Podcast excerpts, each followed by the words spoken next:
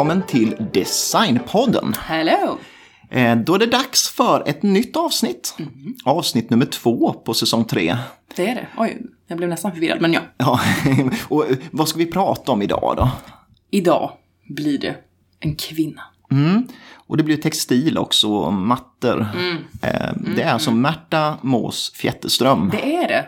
Och som vi har längtat tänkte jag säga, det var att ta i. Men Jo, men det, det är så kul för att det är väldigt... det är ju, hon dyker ju upp på många, alltså vi har ju pratat i Malmsten och snittet, då var det ju mycket Märta Mås-mattor Yes. som var med i hans utställningar. De hade väldigt god kontakt. Ja, och en annan sak jag tycker är roligt som vi kommer återkomma till, men det är att det är eh, en, liksom en ett typ av föremål som är fruktansvärt dyrt på auktion också. Ja.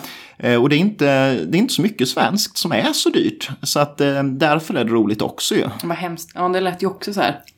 Som att vi bara bryr oss om det. Men Nej. det är roligare. Ja, men det är kul när man ser så här att oj, nu gick det en svensk grej för en miljon. Liksom. Och det är kul mm. att det är en kvinna. Ja, så att eh, hoppas att ni är lika taggade som vi är. Så att vi kommer att kasta oss in i det här avsnittet. Vi som pratar heter Sanna och Andreas och ni lyssnar på Designpodden.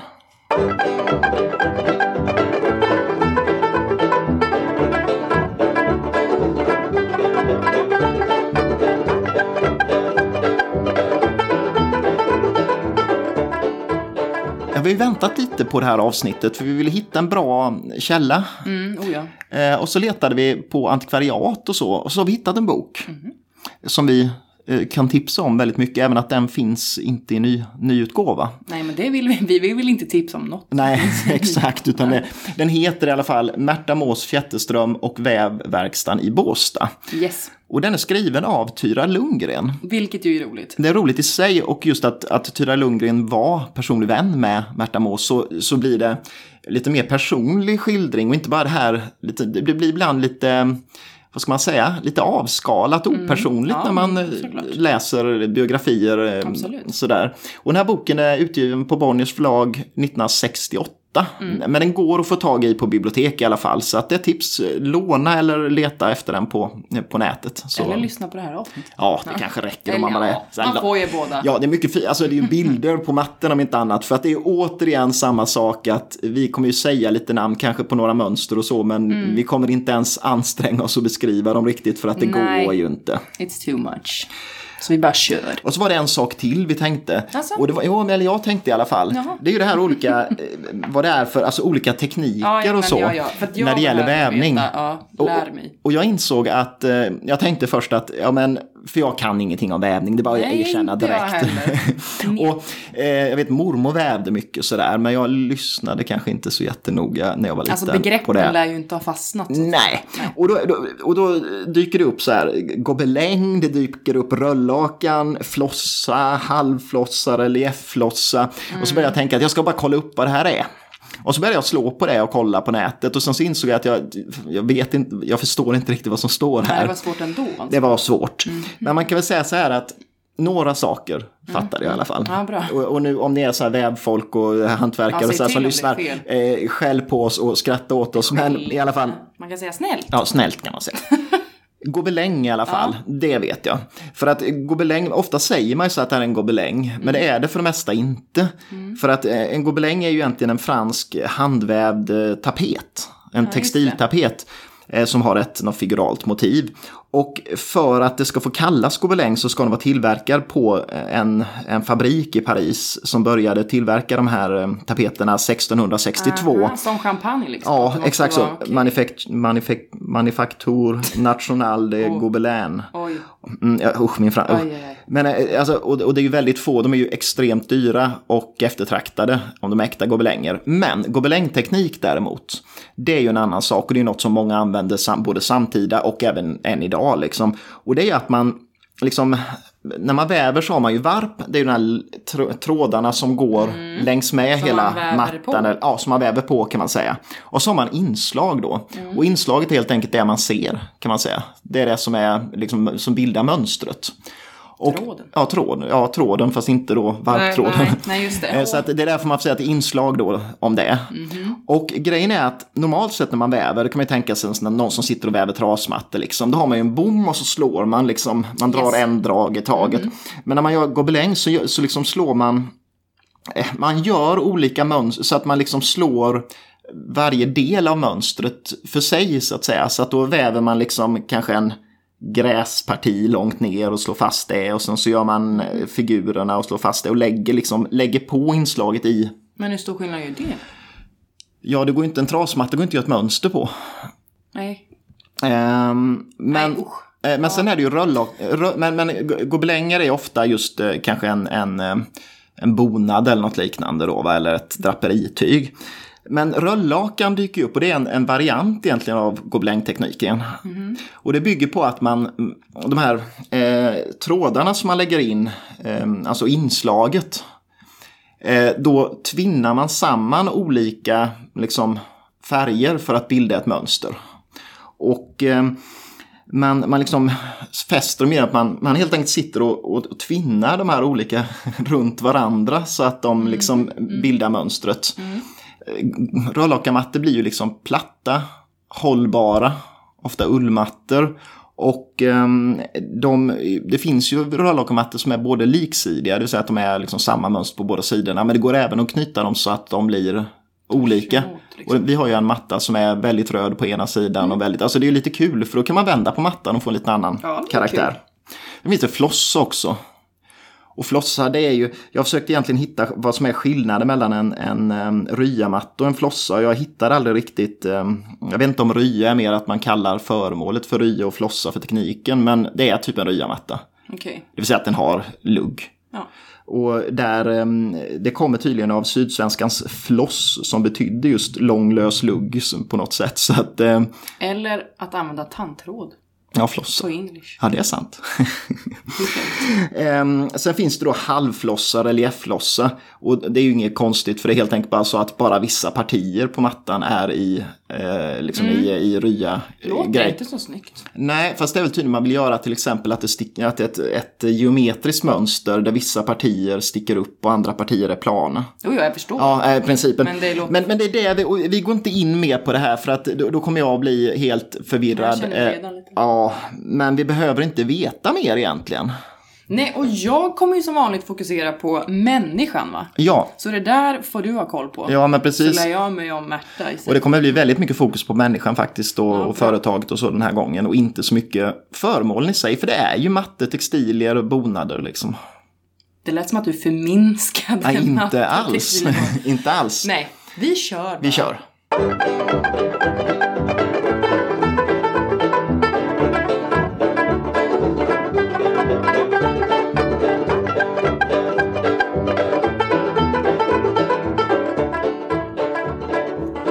Märta Mås Fjätterström Mm. föddes den 21 juni 1873. Mm. Och hon var den andra dottern i Prostfamiljen bestående av pappa Rudolf Mm. som då var kontraktsprost och mamma Livia som då var prostinna. Man var inte så mycket annat än, Nej, än liksom mannens andra hälft va? nej.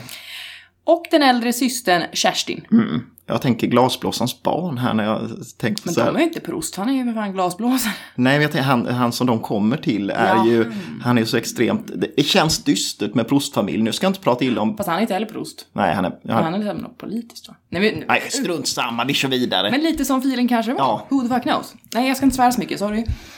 Familjen kommer dock att utökas med sex barn till. Oj, Det är många. Många det är syskon. barn. Och måsenamnet då, det var i alla fall Ja. ett släktnamn, ett gammalt soldatnamn. Mm. För det är ju lite så här, mm, var kommer det ifrån? ja, men, Mås. ja. Båda efternamnen är ju kul. Ja, jag, ja. Un- Unusual. ja. Rudolf Fjätterström då. Mm. Han var en väldigt respektingivande person. ja. Som ibland kunde gränsa till lite skrämmande. Okej, lite såhär Mm. dispåt. Han var väldigt bestämd Mm. och eh, som Tyra Lundgren skriver i boken, sannerligen en herrens stridsman. Oj då. Ja, det låter ju jättetrevligt. Men Livia var i alla fall motsatsen till Rudolf nästan. Hon var mild, hon var musikalisk, hon spelade och sjöng med barnen. Hon älskade blommor och att odla grejer. Så det, mm, det, hon var ju absolut den mjukare sidan och det smittade ju av sig ganska mycket på Märta. Ja, Och hon kom i synnerhet att älska träd. Märta var inte så förtjust i sina många syskon, utan hon tyckte mest att det var Jaha. De var irriterande. Liksom. Okej, hon tyckte det var mer lite jobbigt att ha syskon. Ja men det gör man väl. Nej då. Mm. Nej men det kan man väl förstå om det finns sex småsyskon och en storasyster. Ja. Och det var ju då bara storasystern som hon hade god kontakt med. Ja, Det sägs också att de resterande syskonen utöver hon Kerstin då, inte heller kom att bry sig så mycket om Märtas textilverksamhet. Mm. Snarare de ekonomiska resultaten av detta. Inget annat. nej. Familjen levde och bodde i en prästgård i Vadstena, dit de flyttade när Märta var 13 år. Barndomen präglades då av disciplin, moral och religion från pappans sida. Åh. Och musik, teater och lite mer ljus och glädje av mammans sida. Och alla barnen fick studera till ett yrke, för det, det tyckte de ändå att Ja, det, prostbarn, de måste liksom bli någonting. Och Märta tyckte redan om att rita och ville bli illustratör. Men för en flicka på den här tiden med konstnärliga ambitioner så fanns det ju inte jättemånga vägar så hon började studera till teckningslärarinna. ja. Och hon studerade på Tekniska skolan i Stockholm. Ovanligt. Och hon hade faktiskt klasskamrater som Elsa Beskow och Annie Frykholm som också kom att bli en eh, livslång vän och arbetskamrat för hon höll också på med textil. ja, just det. Hon började studera 1890 och än så länge hade hon inga tankegångar alls om textil utan det var bara hon ville bli illustratör Ja. helt enkelt. Undervisningen var ganska slentrianmässig och lät inte eleverna vara så kreativa. Så ja, det, alltså det var ingen jättehöjdare men Nej. det var ju bättre än inget liksom. Ja, bättre än att vara hemma säkert. Ja. Efter studierna så krävdes det ju ett arbete för att vara självständig och det ville hon gärna vara. Så hon tog ett jobb som teckningslärarinna i Jönköping. Detta var ju dock bara ett mellanspel, hon hade ju andra ambitioner. Men hon hade inte riktigt hittat ett eh, material att uttrycka sig med än. Nej. Och hur det blev textil, det vet man inte säkert. Men det kan ju ha varit den här vännen Annie Frykholm som influerat henne. Eller så var det för att det liksom inte fanns så många material att välja Nej, på. inte för en kvinna kanske. Eller Nej, men eh, textil blev det i alla fall. Och något annat intressant jag läste som jag faktiskt inte visste, det var att eh, från och med 1890-talet så fanns det en stark vilja att återuppväcka de här textiltraditionerna i Sverige. Och en viktig aspekt i det var föreningen Handarbetets vänner som startades redan 1874. Som leddes av tre kvinnor. Och de ville så strida mot, citat här, den dåvarande slentrianmässiga smaksituation och handarbetskvaliteten för att motverka handarbetssmakens förfall och den nya industrialismens dåliga alster och undermåliga material. Det var ju stora och hårda ord. Ja, Men ja, man förstår, de ville motverka det nya liksom. massproducerade Ja. skiten som de tyckte. Precis, precis. Så de kom att producera, ja, det de tyckte var Kvalitet. kvalitet ja, och de undervisade också andra i detta. Och det kan ju faktiskt också vara en anledning till varför det blev textil för Märta, om det här då var liksom, det var ju precis i samma, Det låg rätt i tiden, ja. att man vill återuppväcka det. Så hon kanske blev inspirerad, who knows? Under början med hennes karriär sen i alla fall, Märta, när hon hade hittat textilen som hon då gjorde. Då skickade hon runt sina mönster på kartong och det står i boken hela tiden att hon skickade kartonger hit och dit. Ja, Så i början var jag tvungen att fundera go- lite. googla Nej, vad det var. Och vad var det? Det var, Ja men det är när man liksom har gjort små mönster på kartong. ja det är som en mönsterprov. Ja, det var liksom, så här vill jag att det ska se ut. Mm. Och så skickar man runt det för att få beställningar då. Mm. Och hon skickade i synnerhet förslag till intendent Georg Karlin Mm. som grundade Kulturhistoriska föreningen i Lund. Ja, Och det var en museiliknande verksamhet med samlingar av textilier som de så ordnade efter olika teman och så. Det fanns också en vävskola där och eh, Märta erbjuds en fast plats som lärarinna där. Så där började hon faktiskt 1902 när hon var 29 år gammal. ja. Kort och gott kallar man då den här föreningen för Kulturen. Kulturen i Lund står det hela tiden sen. Och för att finansiera den här kulturen anordnades eh, Konstindustrielotteriet. Där vinsterna var textilverk. Och där eh, kunde ju Märta sprida sina verk eh, mer Ja, än ja. annars. Det var till och med lite utom, utomländska, det heter det inte. Utländska? Ja, utomländska. Utländska vinnare och så. Så det spreds bland annat till Tyskland och Danmark. Ja. Och även då Handarbetets vänner som jag pratade om vävde flera av Märtas mönster och eh, de kommer att visas på många olika utställningar och så vidare. Och jag har inte valt så mycket att gå in på det. Jag har lite exempel Ja, sen, bra. även tidiga utställningar, men ja, Bra, bra, bra. Jag tycker det bara blir liksom... ja man bara, ja precis. Under det tidiga 1900-talet så bestod hennes mönster alltid av legender, sagor eller folkvisor. Alltså de var alltid figurala. Exempelvis Snövit och Bebådelsen. Och det är ju då när... Ja, Ja. ja. skitsamma. Vi, vi pratar inte om bebådelsen för det är inte roligt. Nej, 1905 då skapas Malmöhus läns hemslöjdsförening. oj då. Och de värvar Märta, så att säga, till föreståndarinna. Mm. Detta blir dock inte riktigt som Märta har tänkt, eller som Malmöhus har tänkt. För de ville värna om och utveckla den skånska bygdeslöjden och dess traditioner. Men de tyckte snarare att det blev en, en modern konstateljé utan hembygdsanda. Ehm, Så det leder till att Märta faktiskt 1911 blir avskedad, för hon var för kreativ och kunde inte lägga band på sig. Så att hon, hon skapade vad hon ville istället för att kopiera historiska förlagor som de ville att hon skulle göra. Aha. Så hon skapade bland annat Staffan Stalledräng och den är ju då på framsidan av den här boken vi har använt oss av. Ja, just det. Det är Så den blev liksom... få, Fålarna 5 där och, så och den blev Staffan. ungefär anledningen till varför hon blev Kickad. kickad därifrån ja.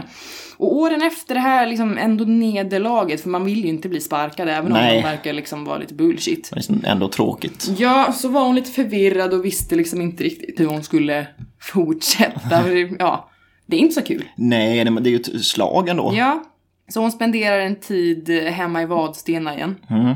Men sen, då kommer det en Lilly Sickerman, också ett roligt efternamn. Ja, många roliga Mm. namn.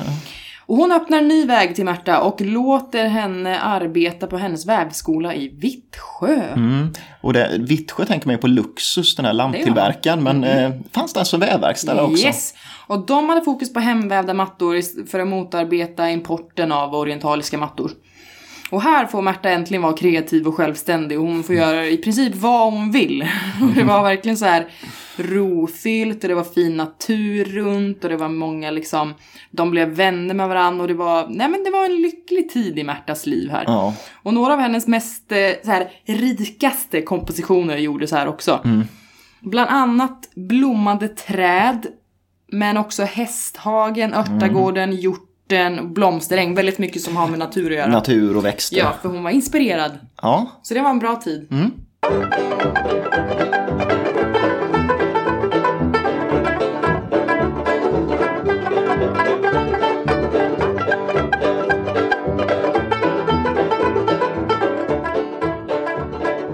Och nu kommer jag gå in lite mer på den här tiden i Märta Mås liv som eh, vi nog mer förknippar med det. Mm. Och det är tiden i Båstad och vävverkstan där. Ja, För det som hände var att eh, Märta ställde ut på Baltiska utställningen i Malmö 1914. Och på den här utställningen så knallar en, en tjomme förbi där som heter Ludvig Nobel. Och han köper en matta, den här hjorthagen. Eh, den här Ludvig Nobel, han kommer att köpa flera mattor av Märta. Han, han fastnar för hennes, eh, hennes textilier. är han släkt med allt? Ja, för att eh, han är alltså um, brorson till Alfred Nobel. Ah, okej. Och han var ju stenrik. Ja, ja. Och var också kemist och höll på med i oljebranschen och var miljonär där. Nice. Och det är ju bra att ha en sån eh, Kund, ja. ja kund att, som, som börjar gilla ens grejer. Ja, det är inte fel. Och det är han också som är orsaken till att Märta flyttar till Båstad. För att han hade engagerat sig för turistnäringen i Båstad. Och hade byggt upp en stor någon villastad där, där rika stockholmare typ kunde köpa villor och vara i på sommaren. Fabulous. Och där hade han också byggt eh, Skånegården som var något stort hotellprojekt eh, som han byggde 1916 till 1918. Och di, dit köpte han massor av Märtas mattor. Och så sa han då till, till Märta att kan inte du flytta ner till Båstad för att du har ju... Eller flytta till Båstad, ja Det blir väl... Alltså hon var i Skåne här. Ja, Skåne, ja det är sant. Fly, flytta till, till, till Båstad i alla fall. För grejen är att det är liksom bra klimat, schysst så, och eh, mycket rika kunder på somrarna som kommer att köpa dina grejer. I see. Eh, och det gör hon. Så att hon eh, flyttar till Båstad eh, 1919. Slutar i det där Vittsjö, i det där engagemanget där. Och eh, köper ett hus i Båsta, eh, Strandgården, som eh, var ett tegelhus. Eh, där hon hade vävstolar och sånt på bottenvåningen och övervåningen var hennes bostad då, där hon satt och Ja, ritade. Eh, och Märta var då 46 år när hon flyttade till Båstad. Så att en stor del av hennes liv är ju det här du har berättat om. Ja, som man inte har en aning om Nej, nej, egentligen. Så att det är ju lite roligt. Eh, och ganska snart märker hon att det går ju väldigt bra. Men det är mycket stim och liv och rörelse i den här verkstaden. Så hon får inte riktigt någon lugn och ro att rita. Mhm. Så köper hon ett hus till.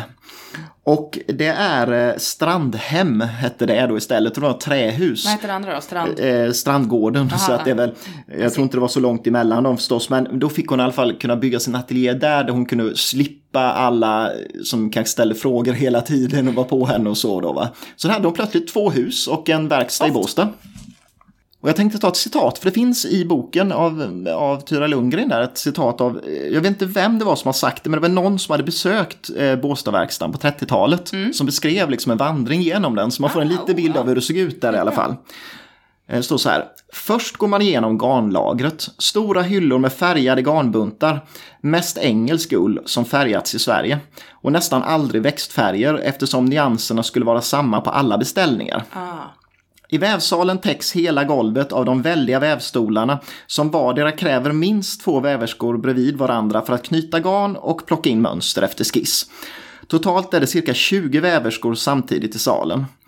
Vävstolarna är helt manuella. Bommen slås med två par händer. Märta menade att en hjälpmaskin var meningslös eftersom det var så långt mellan slagen på de stora mattorna. Eh, Så det är ju lite en bild av, alltså det är ju egentligen en alltså fabrik det här känns det ju som. Man kan säga att Märta hade ju sin det här strandhem då som hon kunde dra sig undan till. Men hon behövde mer inspiration och tillika som eh, liksom Magissola åkte också mycket utomlands. Och det gör också Märta. Ah. Så att hon gjorde många långa studieresor, ofta tillsammans med Annie Frykholm. Mm, det var så. Ja, och de åkte till eh, mycket olika ställen. För de åkte dels så här italienska och franska småstäder och landet och tittade på så här eh, liksom landskap och eh, skog och så.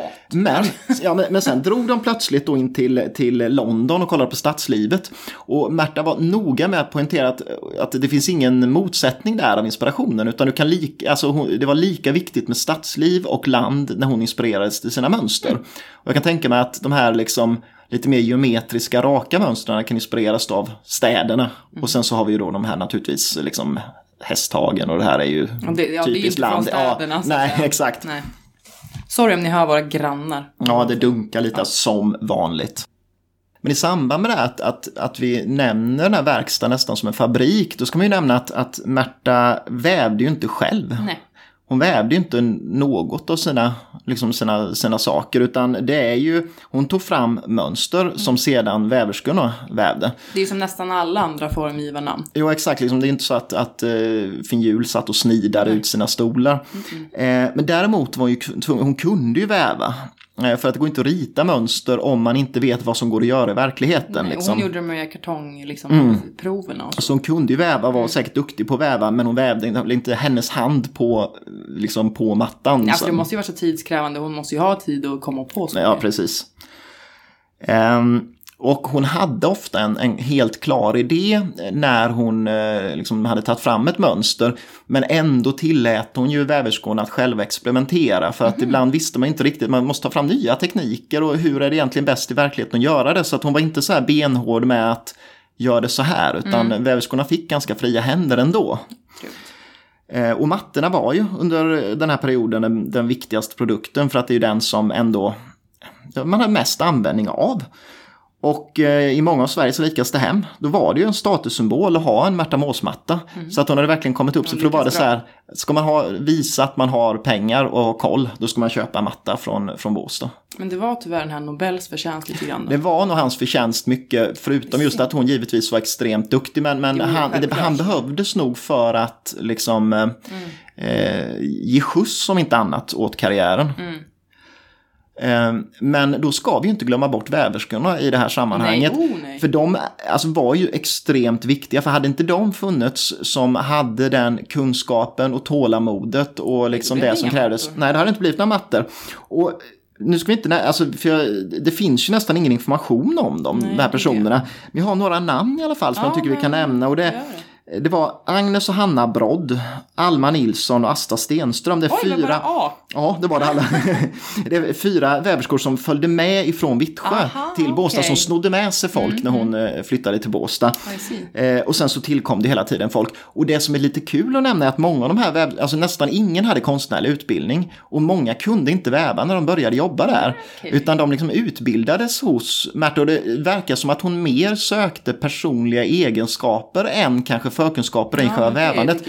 För att eh, hon såg vilka som skulle bli bra väverskor och sen så är det bara att utbilda dem i själva vävandet egentligen. Cool.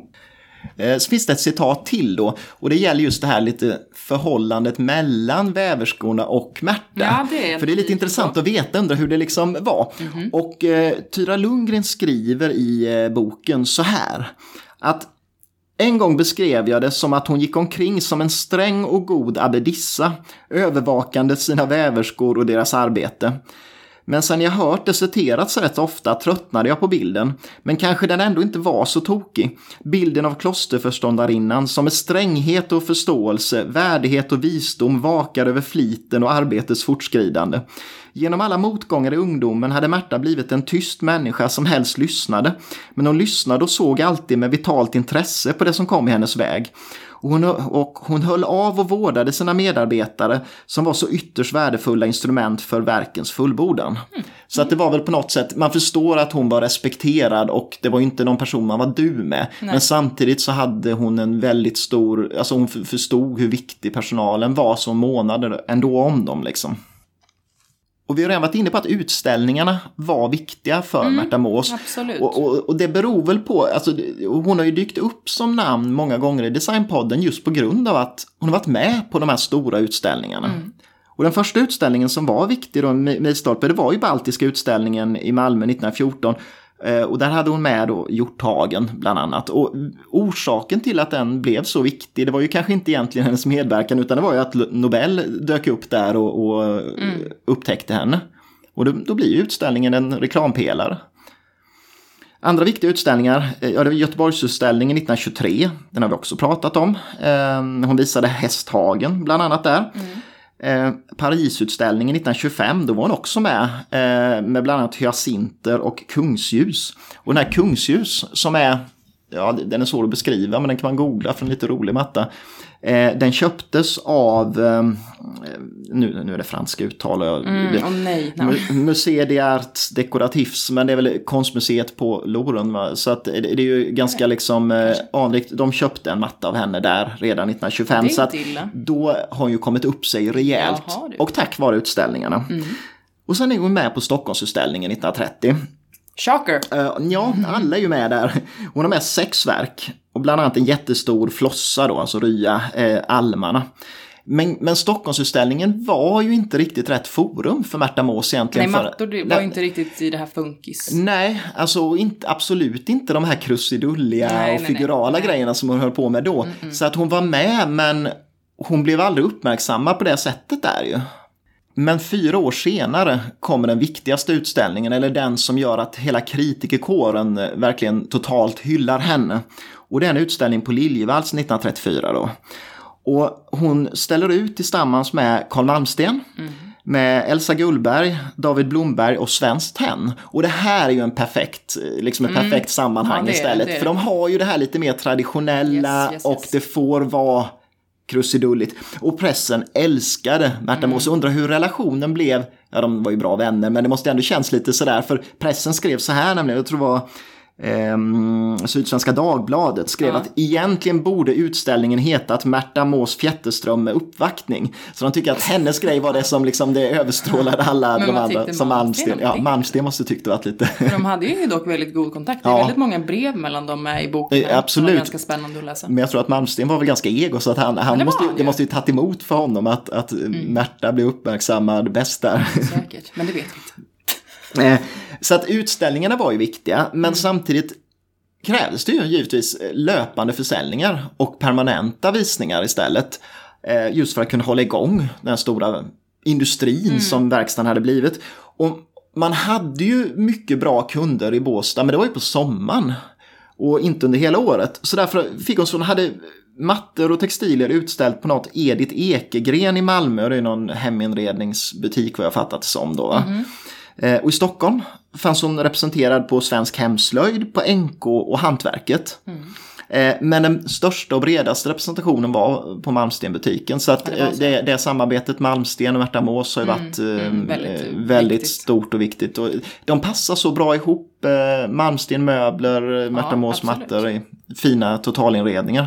Tänk vad svårt det var ändå för internet. Det är nästan svårt att tänka sig nu. Ja, just det, att nå ut och synas. Annonsera i tidningar och, och ha utställningar. Ha, ja, ja, på plats. Skitsvårt ju. Ja. Men sen börjar vi närma oss sent 30-tal. Mm. Och eh, som jag sa innan så Märta fick mycket av sin inspiration och eh, fick bort rastlöshet genom att resa runt i världen. Men 1939, vad händer då? Oh, I don't know. Då har vi andra världskriget. Mm -hmm. eh, och, och det de här krigen, eh, första och andra världskriget, det påverkar så enormt mycket även när det gäller formgivning och alltså, hur, hur det kunde vara att vara formgivare. Ja, och, ja. Eh, så att det gick inte att resa längre i världen. Så då var hon tvungen att hålla sig hemma i ateljén. Och det började kännas lite, började klia i fingrarna lite där. Som Gick väl inte att få betalt för mattor? Under Nej, det var ju också ett problem givetvis. Mm. Så hon satt där i ateljén och tänkte alltså det här känns inte roligt. Så att hon, hon eh, ringde till Ann Frykholm, fick komma ner eh, och även Tyra Lundgren och var långa perioder hos henne där. Men hon kände sig ändå ensam. Så mitt i det här så köper hon, eller hyr gjorde man väl då, en lägenhet i Stockholm eh, på Roslagsgatan. Mm. Och tanken var att komma närmare konstnärsvänner. Jag tror hon ville väl säkert umgås med Malmsten och, och de här som hon kände uppe i Stockholm. Och precis som du sa, det liksom, verkstaden gick ju på sparlågor. Ehm, det var ju ransonering på materialet man skulle använda till mattorna och så. Så hon kunde sköta eh, verkstaden, var ju igång, men hon kunde sköta den via eh, en föreståndarinna där nere mm. som hette Dagny Bengtsson. Så de kunde hålla lite kontakt med brev och telefon. Så kunde de hålla igång det i alla fall. Ehm, och de beskriver bland annat att ett problem var att få, ta, att få köpa så mycket kol som behövdes för att hålla verkstaden varm mm. så att inte vävskorna skulle frysa. Så man förstår ju hur, alltså hur knapert det var då under den, under den tiden. Och kriget tvingade också fram en annan sak. Och det var att produktionen behövde ställas om lite för det var både tidsandan med funkisen men det var också det här med att, att folk blev fattigare. Så att, så att eh, Märta Mås började faktiskt tillverka enklare röllakarmattor lite mer för serieproduktion. Och det var ju ett sätt att, att, att, att ge väverskorna jobb ändå. Mm. Men de här som var extremt duktiga väverskor, de fick sitta och tillverka sånt som nästan vem som, nej nu ska jag inte säga att vem som helst kan göra, men ja, det, det var nog inte en rolig period i verkstaden. Vore det konstigt om det var roligt också när det var ja, krig. Ja, precis. Sen då påskdagen eh, 1941, den 13 april, dör Märta Mås. Och hon, hon hade cancer, opererades för det men fick en blodpropp och överlevde inte. Och ett halv... Eh, eh, 68 bara, så att eh, hon blev inte så jättegammal. Och eh, tiden i Båstad är inte så stor del av hennes liv egentligen. Eh, skumt nog då. Men en halv, ett halvår innan hennes död, så hon visste förmodligen att hon hade cancer då, så då mm. skrev hon i ett brev, till vem vet jag inte, men då skrev hon så här att Innan man hinner bli färdig är det istället livet som tar slut. Då vill jag gärna fortsätta på en annan planet. Så att jag tror att hon... Ja, hon, Fast hon ville... Ja, var det hemskt. Ja, det var hemskt på något ja, sätt nej, ändå. Tänk, det går vi inte in på. Nej. Det ångest. Men det som hände då när Märta dog, det var ju att verkstaden helt plötsligt står utan någon ledning. Mm. Och eh, samtidigt var ekonomin inte särskilt bra. Nej, det var ju fortfarande krig. Eh, och man gör en, en Eh, bouppteckning då och kolla vad finns det för tillgångar. Och det som listades var två hus då. Och så var det en trädgård som tydligen var en tillgång också på något mm -hmm. sätt, men det var väl marken om inte annat. Ja. Sju, som man skrev, väldiga vävstolar, det är väl till de största mattorna. Sju medelstora vävstolar, nio mindre vävstolar, kvalificerade väverskor, garnlager samt lager, ritningar och mönster. Och det var det som dödsbodelägarna då fick se att det fanns. Och de som var arvingar var ju hennes eh, syskon. Mm. Och de var ju själva ganska gamla nu ändå och ville inte sätta igång med, med liksom något, blanda sig i den här verksamheten. Och dessutom var de livrädda för kostnader. De såg framför sig att helt plötsligt har vi en massa anställda och ingen verksamhet som mm. går bra. Så att de, det där visste de inte riktigt vad de skulle göra med. Däremot hade de en sån traditionell syn på vad man skulle göra med någons saker om den har dött. Så man samlade ihop allting som eh, tillhörde Metamos och eldade upp det. Vad trevligt. Så det finns ingenting sparat, det finns inga brev, det finns inga personliga saker kvar. Eh, och det gör också att, att det är därför säkert man inte riktigt vet hur hon har tänkt med vissa saker. Och Men sådär. var, det- var det traditionellt att upp? I, inom de religiösa, det, det, där att, att man skulle liksom inte hålla på och blanda sig i privata grejer då va. Så allting slängdes, eller ja, eldades upp verkligen fysiskt så. Eh, Men det gällde verkstaden insåg de ju liksom att det är ju ändå pengar i det, så den ska vi inte bara pengar. elda upp. Ehm, eh, Och därför, och därför sparades ju mönstren också. Mm. Eh, Och då plötsligt var det en amerikansk textilfirma eh, som hade liksom kommit i kontakt med Märta Mås via de stora internationella utställningarna. Som ville köpa ehm, hela verkstaden. Och det här, då blev det lite oro i leden bland svenska konstnärer och hantverkare och så. För då såg de ju att den här firman ville bara köpa namnet och mönstren. Och då är det bara slut med produktion i Sverige och det är slut med hantverksskickligheten. Liksom, skickligheten. Och det här blir ju panik liksom bland många. Och en som fick mest panik egentligen var Carl Malmsten. För han såg att det här får bara inte hända. En amerikansk firma får inte gå in och köpa MMF. Så här, det, det får inte hända. Så han kontaktar nationalmuseichefen då som heter Erik Wettergren och en advokat, Erik Wennerholm. De som också Men var, kunde de heta mer Ja, alla heter lika jämt. Men, eh, men de i alla fall, de tre männen, de, de, de eh, bestämdes för att vi ska rädda det här till varje pris. Vi ska behålla varumärket i Sverige och fortsätta produktionen i Båstad. Och de lyckas få ihop tio finansiärer som lovar gå in med 8000 kronor var. Och det är inte så dåligt med tanke på att mitt under kriget och dålig ekonomi, men de lyckades faktiskt med det. Så den eh, 11 november 1941 bildade de ett aktiebolag med syfte att köpa verkstaden. Och de bjuder ut aktier då till, till allmänheten och lyckas få Gustav den femte, kungen då, att köpa aktier. Och det beror nog lite på, han var ju så här tenniskungen eh, och spelade ofta i Båstad och så, så att han hade ju relationer där. Och då blev det plötsligt värsta reklampelaren att kungen köper aktier i det här, då ska vi också, så att då var det många Ja. som gjorde det. Ja. Så att ganska snart fick man ihop ett aktiekapital då på 80, 80 000. Så att, ehm, och, och då kunde man gå in och köpa eh, Märta Mås konstnärliga Yeah. kvarlåtenskap. Eh, och man insåg också att man behöver en ny någon konstnärlig ledare. Och någon som inte bara skulle harva på i de här gamla, utan man måste göra något nytt av det. Och då anställer man Barbro Nilsson. Och vi kommer inte gå in någonting på den här perioden, för det kanske vi gör någon annan gång. Men, men det är då hon kommer in i, i eh, MMF. Och eh, man får licens, det är krigstid så man måste ha licens på inköp. Men man får licens att köpa ett ton ull och 600 kilo garn. Och i mars 1940... Ett ton ull, det måste ändå vara mycket, rätt mycket ull. Och sen i, i mars 1942, då återupptas produktionen igen. Och då Ja, är det ju, var snabbt. Ja, det är snabbt. Och då är det ju. A, och då är det ju AB MMF. Så att det det är ju då eh, man börjar märka mattorna med eh, Aktiebolag. AB MMF. De tidiga som är under ens livstid, då står det ju bara MMF på, Yes. på dem. Så att det här är en, det är liksom en, en sammanfattning av, eh, av Märta Mås Fjätterström. Det är ju det. Väldigt intressant. Ja, alltså det var mycket jag inte visste. Och mycket av det du var inne på under den perioden, jag ingen aning, den här Jönköping och det här, jag hade noll koll. Det var klart var det det du fastnade på. Ja, Fast det var ett litet mellanspel. Att hon var teckningslärare där. Det bara, uh. Det måste varit coolt ändå att ha haft henne som teckningslärare.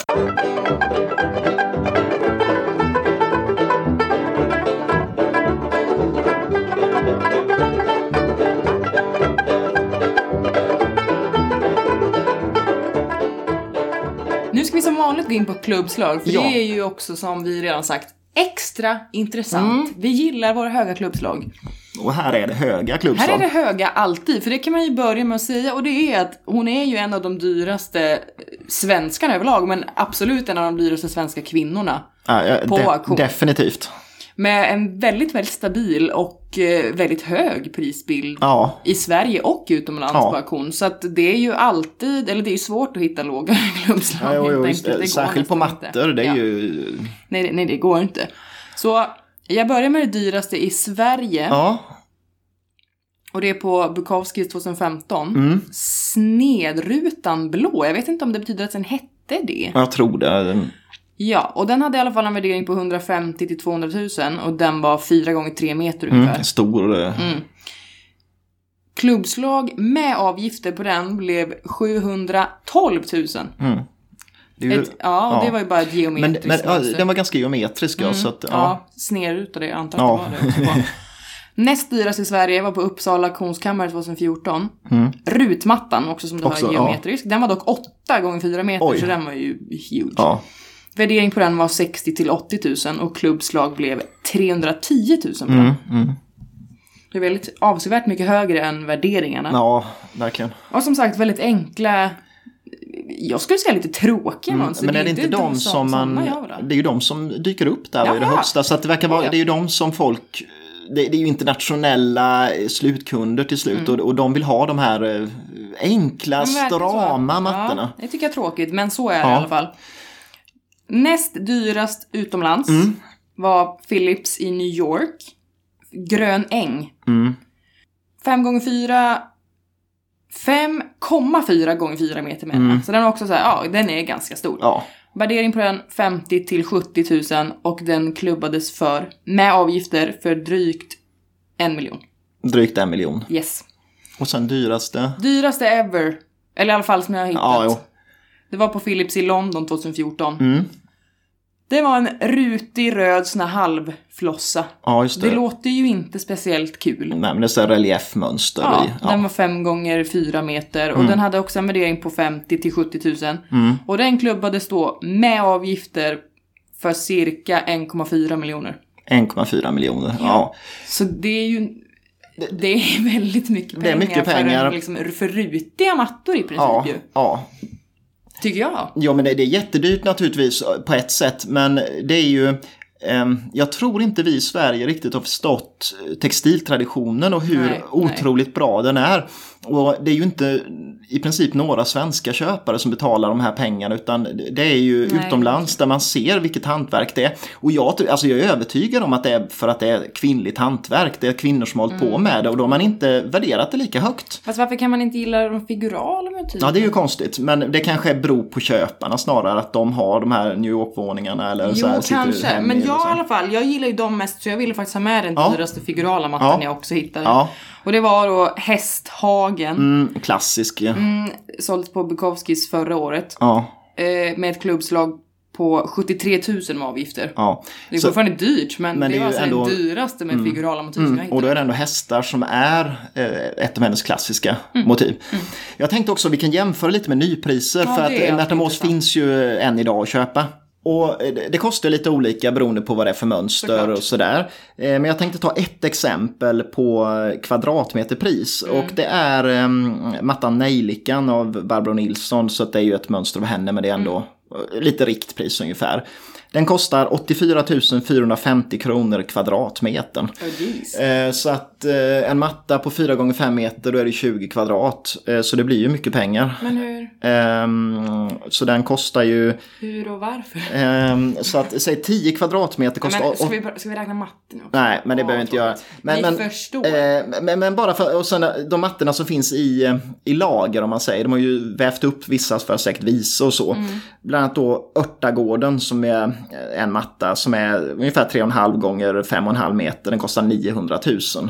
Så att eh, det känns ju som att nyprisen är ungefär som de dyraste auktionsnoteringarna. Men ursäkta, hur? Nej, det, tar så, Många det är så, kan köpa en matta. nej det, det är ju nästan ingen som kan köpa det för de pengarna nya. Ehm, Helt. Däremot ska man ju nämna att de håller på med ganska mycket restaurering av Märta Mås mattor eh, och sånt där nere också. Så det är väl sånt de håller på med också. Och det finns även en vintageavdelning där de säljer Men- eh, begagnad. Då kan man ju bara gå runt genom att liksom institutioner. Ja, jag tror det. Jo, men, Men officiella ja, institutioner, företag Ja, är- och museer kan jag även tänka köper repliker av gamla mattor då, vissa galet, mönster. Galet, galet, galet. Men så är det. Eh, kul att ändå textilier är något av det dyraste vi har pratat om någonsin här i Ja, skitroligt. Designpodden. Otippat men skitkul. Ja, och ehm, därmed så knyter vi ihop säcken om... Eller eh, mattan. knyter ihop mattan. Och, eh, och eh, jag hoppas att ni tyckte det var lika intressant som vi tyckte att läsa om det här. Ja, Och eh, återigen tips om den här boken av Tyra Lundgren om Märta Mås. Är väldigt intressant. Nästa vecka är det ju något annat ämne. Och, ja, vi, vi vet, ni vet inte än. Men vill man oss någonting under tiden så kan man skicka ett mejl Yes, till designpodden gmail.com. Och när jag säger ett, då menar jag snabel mm. till gamla Ge lyssnare. mig. Och eh, sen naturligtvis följ oss på Instagram. Eh, där lägger vi upp bilder och vi kommer visa lite exempel på mattor och sånt där. Eh, så följ oss där och eh, prenumerera på oss där ni lyssnar på poddar så ni inte missar något avsnitt vi släpper. Hur skulle det se ut? Nej, det vore väl hemskt. Men tack för att ni har lyssnat så Tack, hörs tack. vi igen nästa vecka hoppas vi på.